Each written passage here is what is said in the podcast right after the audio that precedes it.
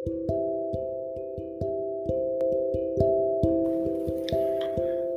Assalamualaikum warahmatullahi wabarakatuh. Salam sejahtera buat kita semuanya ya, teman-teman semuanya. Oke, pada episode kali ini saya tertarik untuk um, mengulas salah satu pertanyaan konsultasi terkait dengan um, kontrak konsultan ya, konsultan uh, di sini saya bertanya konsultan perancana ya. Perlu kita ketahui bahwa konsultan perencanaan ini sudah dirubah istilahnya menjadi konsultan perancangan ya. Konsultan perancangan ya atau konsultan perancang. Ya ganti nama sih ya. Seperti itu.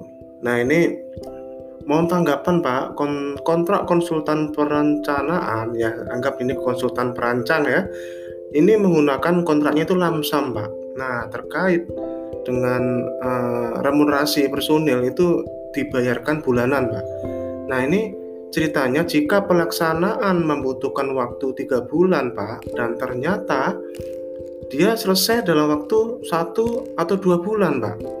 Nah biaya personilnya biaya personilnya dapatkah dibayarkan penuh? Nah ini dia.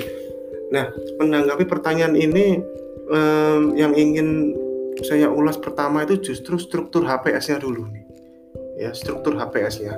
Kalau lihat dari pertanyaan ini sepertinya struktur HPS-nya itu menggunakan uh, struktur personil dan non personil.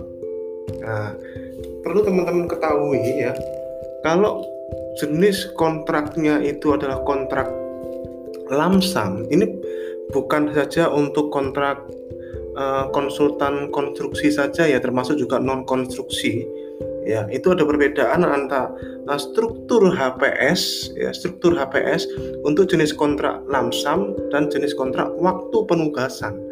Kalau jenis kontraknya waktu penugasan itu adalah versi kayak harga satuan. Jadi strukturnya seperti biasanya sama dengan kertas kerja HPS-nya yaitu personel dan non personel ya kalau kertas kerja HPS teman-teman semuanya itu sama bahwa kertas kerja HPS untuk jasa konsultan adalah personil dan non personil di mana kunciannya di non personilnya maksimal 40 uh, eh, persen ya maksimal 40 persen. Kunciannya di situ kertas kerjanya sama personil dan non personil tapi penyajian HPS-nya berbeda pada saat tidak diputuskan menjadi sebuah HPS kertas kerjanya sama tapi penyajiannya berbeda. Kalau kontrak waktu penugasan tetap sama yaitu dengan personel non personel karena dia dibayar dengan kontrak seperti harga satuan ya waktu penugasan. Tapi kalau untuk kontraknya lamsam teman-teman semuanya coba anda perhatikan MDP-nya ya bisa dicek jika saya salah ya. Nah, bahwa strukturnya adalah struktur output atau struktur keluaran. Karena dia dibayarkan berdasarkan keluaran atau outputnya. Ya seperti itu. Jadi kalau misalkan kalau kalau saya um, dari PPK yang konsultan perancang, saya akan bikin outputnya itu sesuai dengan uh, output yang dibutuhkan uh, untuk pekerjaan konstruksinya. Apa saja itu? Yaitu spesif, uh, apa dokumen spesifikasi teknis, ya kemudian dokumen RAP. Ya, dokumen satu spesifikasi teknis satu set berapa gitu ya. Dokumen uh, RAP itu berapa gitu atau dirinci spesifikasi teknis berdasarkan uh, spesifikasi teknis yang uh, yang diatur di uh, Perlem 12 di lampiran 2 bahwa struktur spesifikasi teknis untuk pekerjaan konstruksi itu adalah urean uh, urean teknis, urean urean teknisnya ya dokumen urean teknis pada spesifikasi teknis satu set.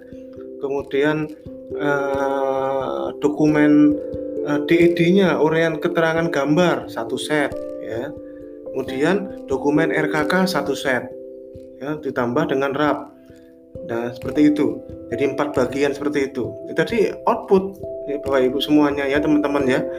Seperti itu. Bisa anda gunakan seperti itu. Jadi strukturnya berbeda tapi kertas kerjanya tetap memperhitungkan strukturnya adalah personil dan non personil akan tetap ya akan tetapi pada saat dia difinalkan menjadi HPS dia dikonversi rincian personil dan non personil menjadi berupa output output ya jadi berupa output nah karena strukturnya itu berupa output maka itu tidak uh, tergantung dari satuan-satuan pertanggungjawabannya bukan satuan-satuan rincian pekerjaan satuan tetapi berdasarkan pemenuhan output.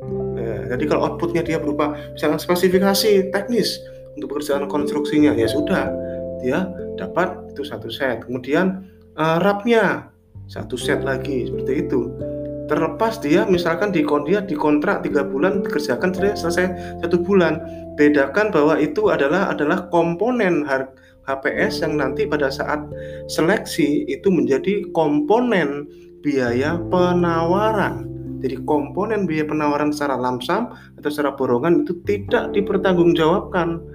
Ya, tidak dipertanggungjawabkan karena jenis kontrak lamsam dibayar berdasarkan keluaran sesuai dengan ketentuan di peraturan LKPP maupun di perpresnya juga bahwa kontrak lamsam dibayar berdasarkan keluaran. Ini sekaligus uh, klarifikasi untuk teman-teman auditor ya karena teman-teman auditor ini saya lihat kalau mengaudit itu apa pun jenis kontraknya cara meriksanya dengan cara satuan. Nah, itu harus mestinya harus sesuai dengan ketentuan ya. Bahwa kalau kontraknya harga satuan oke okay, ya. Bahwa cara meriksanya adalah cara meriksa model satuan. Tapi, tapi kalau kontraknya adalah lamsam ya kontraknya adalah lamsam maka cara meriksanya adalah dengan cara lamsam yaitu kesesuaian output ya sesuai di lapangan ya, yang dihasilkan dengan KAK-nya ya atau penawarannya KAK-nya seperti itu ya jadi itu um, kesimpulannya teman-teman semuanya walaupun pekerjaannya diselesaikan kontraknya tiga bulan tapi diselesaikan satu dua bulan dia tetap dibayar penuh.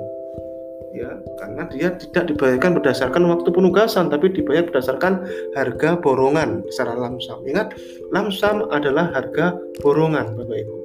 Lamsam itu adalah harga borongan oke semoga ini bisa bermanfaat. Ini adalah sekali lagi ini pendapat saya. Insya Allah ini eh, pendapat saya juga akuntabel dan bisa dipertanggungjawabkan Bapak Ibu semuanya. Oke? Sukses selalu ya